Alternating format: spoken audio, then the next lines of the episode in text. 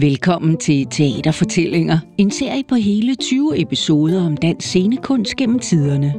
Mit navn er Liv Thomsen, og sammen med en række passionerede teaterfolk og teaterformidlere inviterer jeg dig med på en rejse gennem 300 års teaterhistorie. Fra teateret blev en selvstændig national kunstart for folket, og man begyndte at spille på dansk, til i dag, hvor tusindvis af teaterfolk dag ud og dag ind bruger alle deres vågne timer på at holde teateret i live. I denne episode handler det om dengang i sidste halvdel af 1700-tallet, da danskerne blev ramt af teatergalskaben, og et hav af dramatiske klubber skød op over alt i landet. Vi byder indenfor og lader tippet gå. Velkommen til. Mange tak. Jeg hedder Lette Skevenius, og jeg er teaterhistoriker, og øh, jeg har arbejdet med teater på mange meget forskellige måder.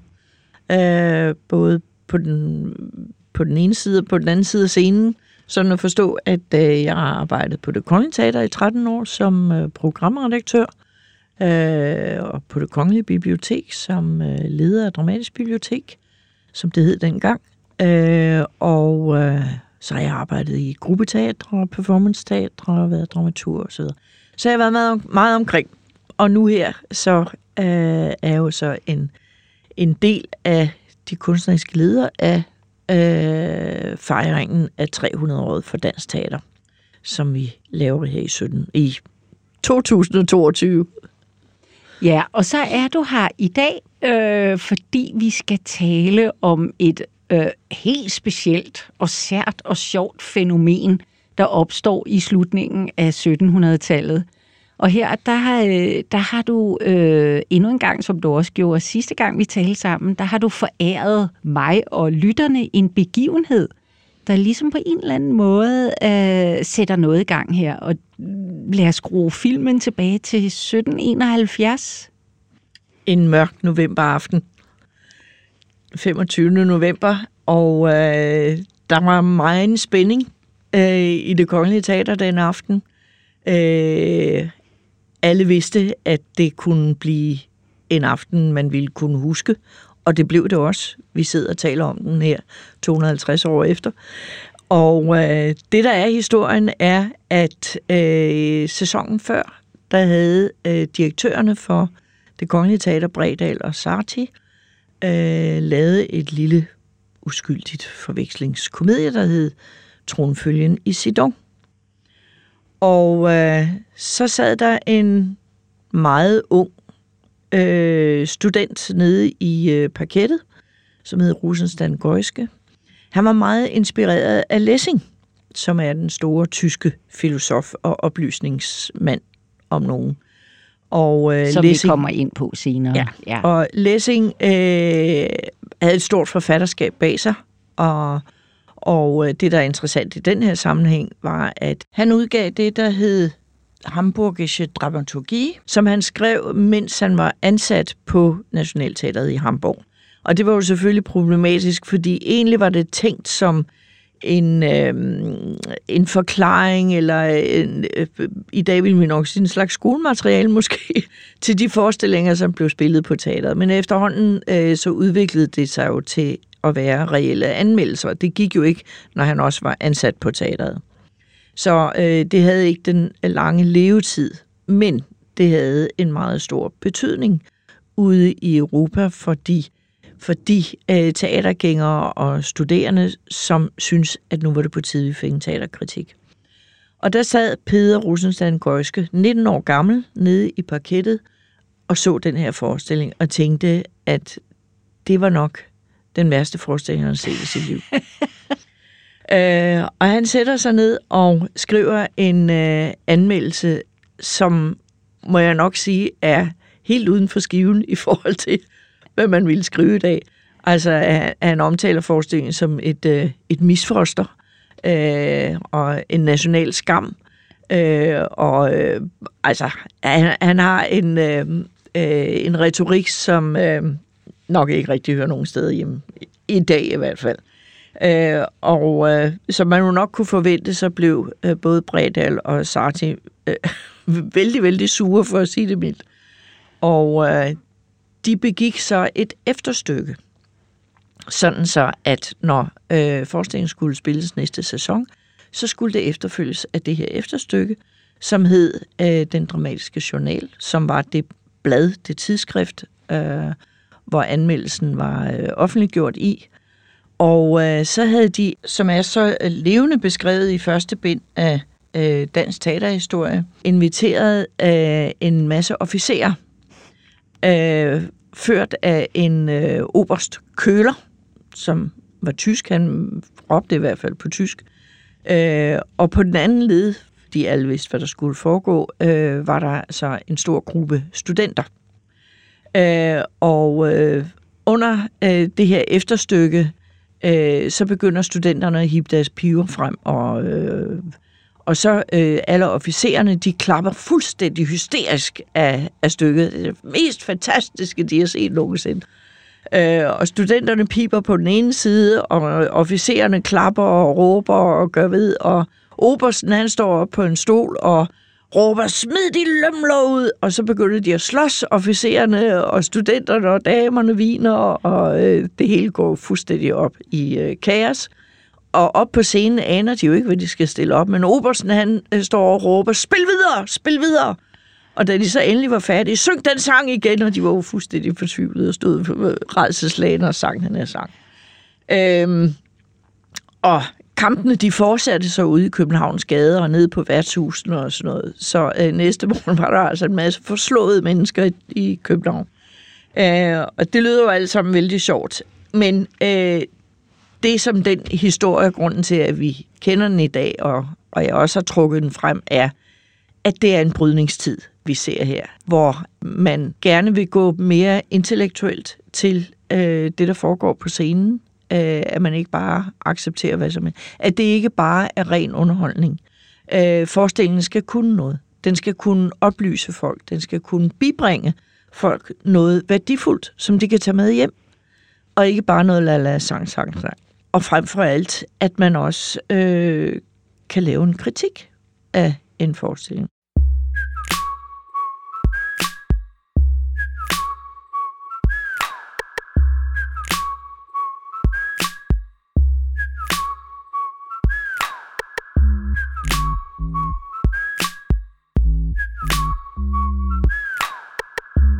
Så det er sådan set starten på kritikken.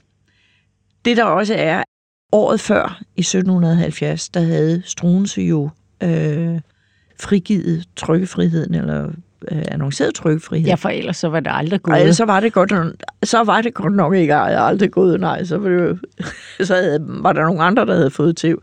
Men, øh, og det betød jo, at man faktisk kunne sige, hvad man mente, og man kunne trykke, hvad man mente.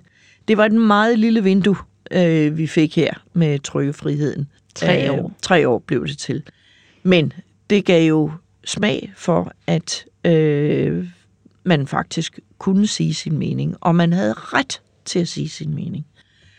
Øh, det, der affødte, var øh, blandt mange andre ting, øh, at folk samledes i klubber, diskussionsklubber, i litterære klubber og drama, øh, dramatiske selskaber, hvor man øh, diskuterede øh, forestillinger øh, og stykkerne. Man skrev stykker.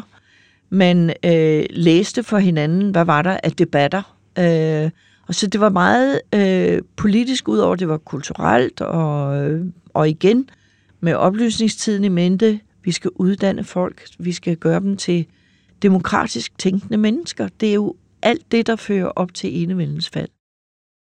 Så det var meget vigtigt at have hele det der dannelsesideal for, øh, for folket.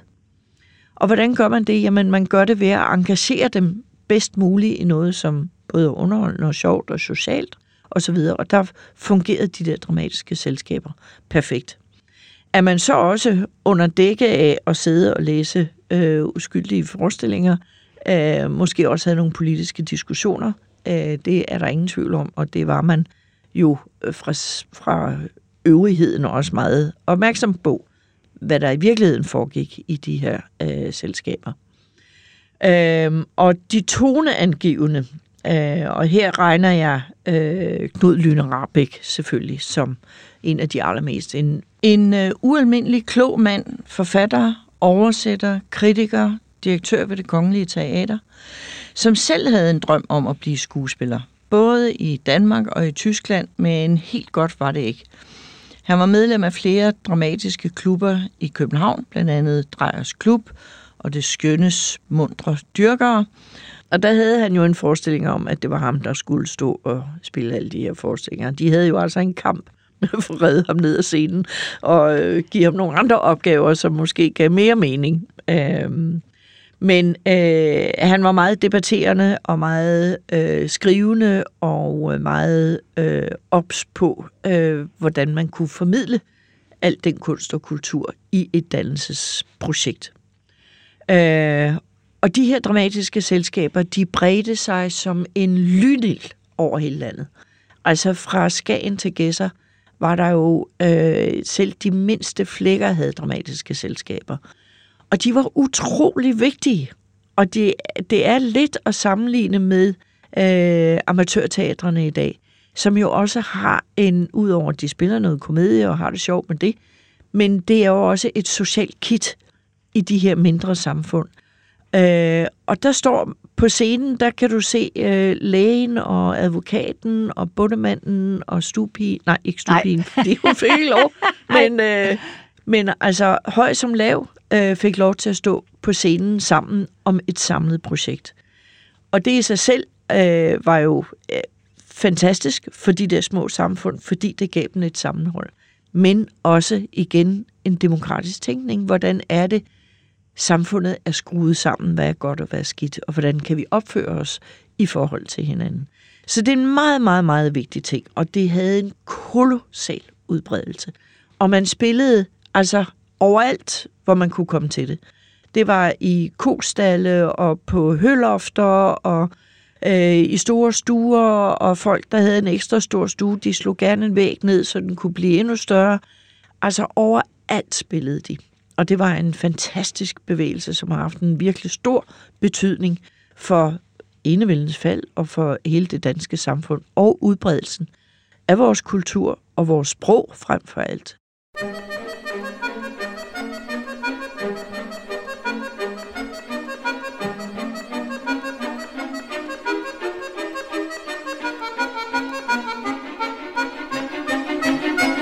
Jeg skal lige huske at spørge, var der overhovedet kvinder med i det her? Fordi øh, øh, vi ved jo, at Rabeks kone, Kama, er, er øh, kulturmæcen og ligeværdig samtalepartner med øh, to generationer af kunstnere og intellektuelle.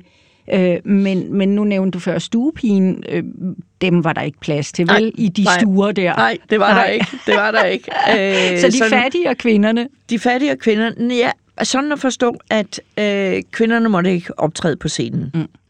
Øh, og, øh, og der var jo selvfølgelig altid noget bøvl med, hvem der skulle spille kvinderollerne. Øh, og man fik bøde, hvis man nægtede at spille Nå. en kvinderolle. Men præsterne var undtaget. No. Ja, de måtte gerne sige nej. Men ellers så var det bare øh, okay. på med kjolerne. Ja. Øh, og det gjorde de? Og det gjorde de. Okay. Ja, det gjorde det. Men Ej, de havde sjovt. et sindrigt bødesystem, ja. fordi de havde jo også en økonomi. Ja. Tingene skulle hænge sammen. Ja, var det ikke noget med bandekasser? Jamen, og, altså ja. alt muligt. Ja. Og hvis du kom for sent, eller hvis du bandede, eller hvis du ikke kunne din tekst udenad, eller hvis du stod det forkert sted, eller jeg ved ikke hvad, så kostede det. Ja. Øhm, og, øh, og så kunne man godt have kvinder med til forestillingerne. Øhm, sådan at forstå, at den første forestilling, det der var generalprøven, den var for børn og for stupiger og, øh, og tjenestefolk. Og så øh, de efterfølgende, det var for øh, resten tjenestefolkene, de skulle være hjemme og passe børnene, mens så videre. Så vi kunne ikke have dem samtidig. Det har ikke været hemmeligt, vel? Nej, Nej. det har ikke været hemmeligt. Nej. Bestemt ikke. Nej. Og ude i provinsen, der kunne de jo gøre, som de ville. Ja. Fordi der var de jo ikke underlagt nogen form for monopol eller noget Nej. som helst. Ikke? Men de skulle altid have tilladelse til det. Ja. Øh, så allerede der var der øh, jo en eller anden form for kontrol med, hvad der foregik. Og det interessante er jo, at den polititilladelse, man skulle have dengang, den eksisterede faktisk helt op til 1991. Er det rigtigt? Ja. Indtil 1991, der skulle man ansøge den lokale sheriff om at få lov til at spille teater. Og, og, og hvorfor? Det bliver du nødt Ja. til at uddybe. Hvorfor? Det vil man meget gerne vide. Hvorfor skal vi det? Ja, men det var noget med at sørge for, at der ikke var for meget teater i det samme område, fordi så kunne de jo tage den ene fra den anden og sådan noget. Men selvfølgelig, den stedlige politimester kunne jo også sige, ah, den der forestilling synes jeg ikke, I skal spille. Under dække af, at øh, nej, det passer ikke lige ind i vores program. Eller, sådan. Eller også så var han blevet tvunget til at spille kvinde. eller også så skulle han spille kvinde. Ja, lige præcis. Øh, nu var der monopol jo øh, i København og omegn. Ja. Øh, og Nej, hvad- ikke i København og omegn. Nej, Det var sådan inden for voldene. okay. øh, der havde det kongelige teater monopol, og det indførte simpelthen, da øh, de åbnede komediehuset. Ja. Øh, og, øh, og det betød, at det kongelige teater havde ret til at spille alting, og alle andre havde ret til at spille ingenting. Hmm. Øh, uden for brokvartererne, øh, eller uden for voldene på brokvartererne, der kunne man spille mindre forestillinger. Altså man kunne spille, øh, jeg tror, en 20-30 minutter af gangen. Længere måtte den ikke være, og så måtte der heller ikke være mere end 4-5 på scenen af gangen. Og sådan noget. Så der var sådan nogle lidt mærkelige øh, restriktioner, øh, kan man sige. Ikke? Men øh, jeg ved ikke, om de forestillede sig, at øh, man ikke kunne udvikle noget politisk øh, debat. Mm. Whatever. Men, øh, men sådan var det jo i hvert fald. Hvad Og spillede man så? Altså helt konkret? ude i de teatergale hjem, jamen der kunne de jo spille alt muligt. De Ja. ja. kunne spille Molière og Holberg og Hertz, og, Fordi det var privat? fordi det var privat. Det var ikke offentligt. Og derfor var det jo også vigtigt, at man kunne lege sig ind i folks spisestuer, eller for eksempel øh, håndværkerforeningen. Der lå noget, der hed Kalkeballen, som lå på hjørnet af Lille Kanikestræde. Og det var murmesterlavets lokaler, og det var derfor, det hed Kalkeballen. Og det var sådan et meget populært sted, øh, hvor man kunne spille. Men igen, det var i privat regi. Så derfor kunne de spille, hvad de ville. Øh, det, de spillede ude på brokvartererne øh, under mon- monopol, det var jo offentligt. Mm. Øh, og det var små syngestykker og sådan lidt, øh, lidt pjert komedier og øh, altså sådan mindre øh, ting. Det kommer vi ind på senere, det der ja. med monopolet, og hvornår det bliver brudt, hvilket er ret sent.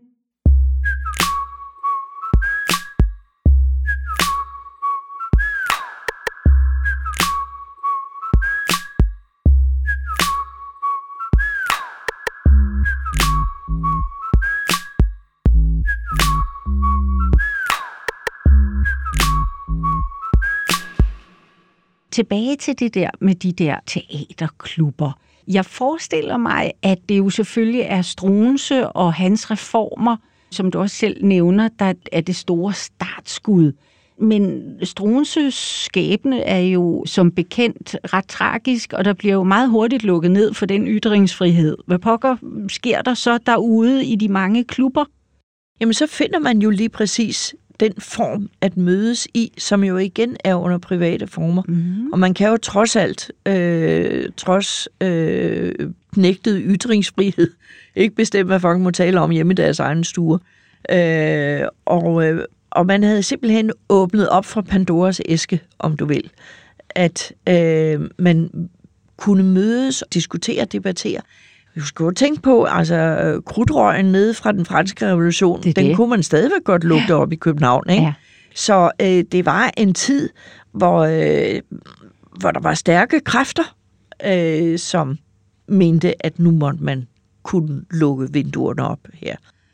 Og give folk de rettigheder, som de jo i virkeligheden skulle have. Det er jo også et, en, en, et led i oplysningskampagnen, oplysningstiden, at man skulle uddanne folk. Man skulle uddanne dem til at have deres egen mening. Men man nytter det, hvis de ikke havde mulighed for at udtrykke den. Altså, øh, så derfor var de her klubber så øh, enormt vigtige for folk. Men på et eller andet tidspunkt må presset fra staten være så massivt, så det på en eller anden måde også skaber en eller anden form for mundkurv derude, selv ude i de private hjem. Så der er virkelig forskel på det talte og det skrevne Ja. ord på det her tidspunkt. Præcis, ikke? Måske skal vi lige bare kort skitsere, hvad det er, der sker med Heiberg. Altså, han skriver en vise. Han skriver en vise til en privat fest i 1790 med ordene, ordner hænger man på idioter. Og øh, det fik han så en bøde for.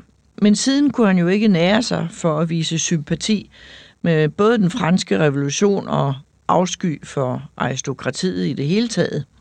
Så øh, de næste 10 år bølgede pindefejterne frem og tilbage, indtil man simpelthen fik nok af Heiberg og landsforviste ham. Han tog så til Paris og kom aldrig mere tilbage. Rabeck fulgte ham i øh, karetten helt til Roskilde øh, for at sige farvel til ham, øh, men tog så tilbage til det København, som han jo så virkede i i mange, mange år fremover. Så sker der jo noget med det åndelige klima. Og det er jo øh, ikke tilfældigt, at romantikken så lige pludselig melder sig på banen. Altså man vender sig fra den konkrete virkelighed til noget, der er ånd og natur, romantik, store følelser. Og Rabeck får jo selskab af en ny generation ført an af Edder Møns lærer. Det, men det er helt klart, at der er et generationsopgør her, der er en ny øh, retning. Hvordan placerer Rabeck sig i forhold til det? Og hvad med de der skønne teaterklubber i hele landet? Øh, hvad sker der? Ja, der, jamen, der sker jo det, de spillede jo fortsat af hjertens lyst. Nå, okay. Men, øh, men efterhånden så blev det jo faktisk øh, for meget for Rabeck, øh, som faktisk allerede som 28 år, ikke? Hvor man jo tænker, at han stadig ville være en ung mand. Men øh, der var han blevet den sådan lidt ældre, øh, som pludselig blev generet over det, han kaldte en grov og plump replikbehandling, og, øh, og sådan overdreven højtidlighed, og han synes ikke, at, at, at de ydede kunsten retfærdighed øh, ved at overholde de kulturelle og etiske værdisæt osv. osv. Ikke? Det lyder så, næsten som den unge Heiberg. Ja, jamen, jamen lige præcis, ikke? Øh, og, øh, og den unge Heiberg, øh, som jo altså var P.A.'s søn, øh, den senere dramatiker, han var jo noget yngre, øh, han var ikke nogen oplysningsmand øh, på den måde, så det var ikke hans øh, projekt, og han var jo meget arrogant over for øh, de her provins øh, amatør skuespillere, øh, og så skriver han, at øh, han kritiserede dem jo helt forfærdeligt og kaldte det en råden gren af øh, dilettantisme, og de agerende, de fremstillede på den ynkeligste måde at affektere at være kunstnere, og de fyldte deres hoveder med forfængelige indbildninger og tomme drømme. Og det var jo slet ikke det. Der var jo ingen af dem, der drømte om at blive skuespillere eller øh, på nogen måde. Det var jo slet ikke det, der var projektet. Det havde man jo overhovedet ikke fattet. Men det var fordi, øh, altså de ser jo også øh, kunsten, du ved, der fremstilles i Talias templer og så videre. Ikke? Ja. Øh, og så er der altså en nedre grænse for, øh, hvor plumpt og groft man kan fremstille øh, kunstens æstetik og så øh, så det var Rabecks ting, men øh, for Heiberg, at det var øh, det rene åndsnopperi, ja. og det var jo også det, der prægede hans, hans tid som øh, direktør på det kongelige teater. Ikke? Det kommer vi også ind på det, i en senere ja. episode. Ja, ja, helt men, klart. Men Rabeck bliver jo også medlem af det kongelige teaters bestyrelse, ja. mener jeg, og så har han med til at, at danne en, en decideret uddannelse for skuespillere. Jo, det havde jo været undervejs ja. øh, nogle og det giver gange. jo så også mening at tage skarp afstand fra amatørerne, ikke? Lige præcis. Lige præcis, ja. Så der var de fine kunstnere, og så var der det andet.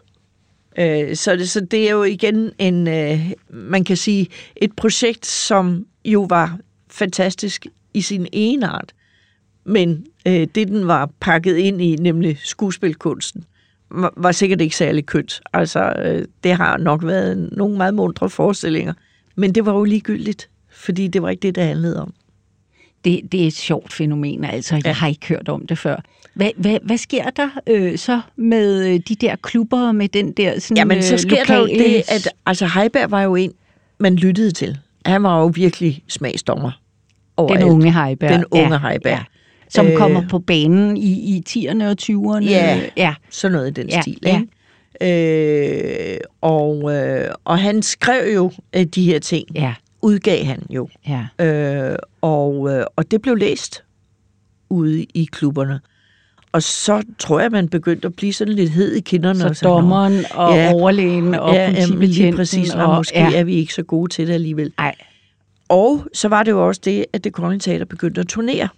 Øh, og så kunne du jo se, hvordan de rigtige skuespillere øh, kunne gebærde sig op på scenen. Og så kunne de måske også godt se, at, at det, de selv gik og rode med, nok ikke havde helt øh, den kvalitet, som... Så de var måske begyndt at blive lidt flove over det, eller øh, på en eller anden led. Men der var jo også andre ting, der øh, kom ind. Der var jo krig i landet, og øh, altså samfundsmæssigt var der også nogle ting, der gjorde, at man heller ikke havde den samme tid, øh, som man havde dengang. Infrastrukturen begyndte jo at fungere på en anden folk. Bevægede sig meget mere omkring, osv. osv. Så øh, det, øh, og klubberne havde jo også en meget anstrengt økonomi. Så alle de her klubber, mange af dem, blev jo så overtaget af håndværkerforeningerne, øh, som virkelig kunne organisere sig på en, en helt, helt anden måde og oparbejde en helt anden økonomi. Og det var jo ligesom dem, der overtog øh, det, der var startet i de dramatiske og litterære selskaber. Men, øh, men det, der jo sker, øh, er jo, at håndværkerforeningerne, fordi de er så organiseret, som de er, og har en økonomi, faktisk får bygget en masse teatre. Tusind tak skal du have, Alette. Du har lyttet til Teaterfortællinger, en podcast produceret af Historieselskabet for Dansk Teater 300 år. Lyden den stod Per Bulle Aks for, og musikken den er fra Upright Music. I næste episode handler det om årene før og efter år 1800, hvor Danmark var et lidet fattigt land, og trivialteateret levede i bedste velgående.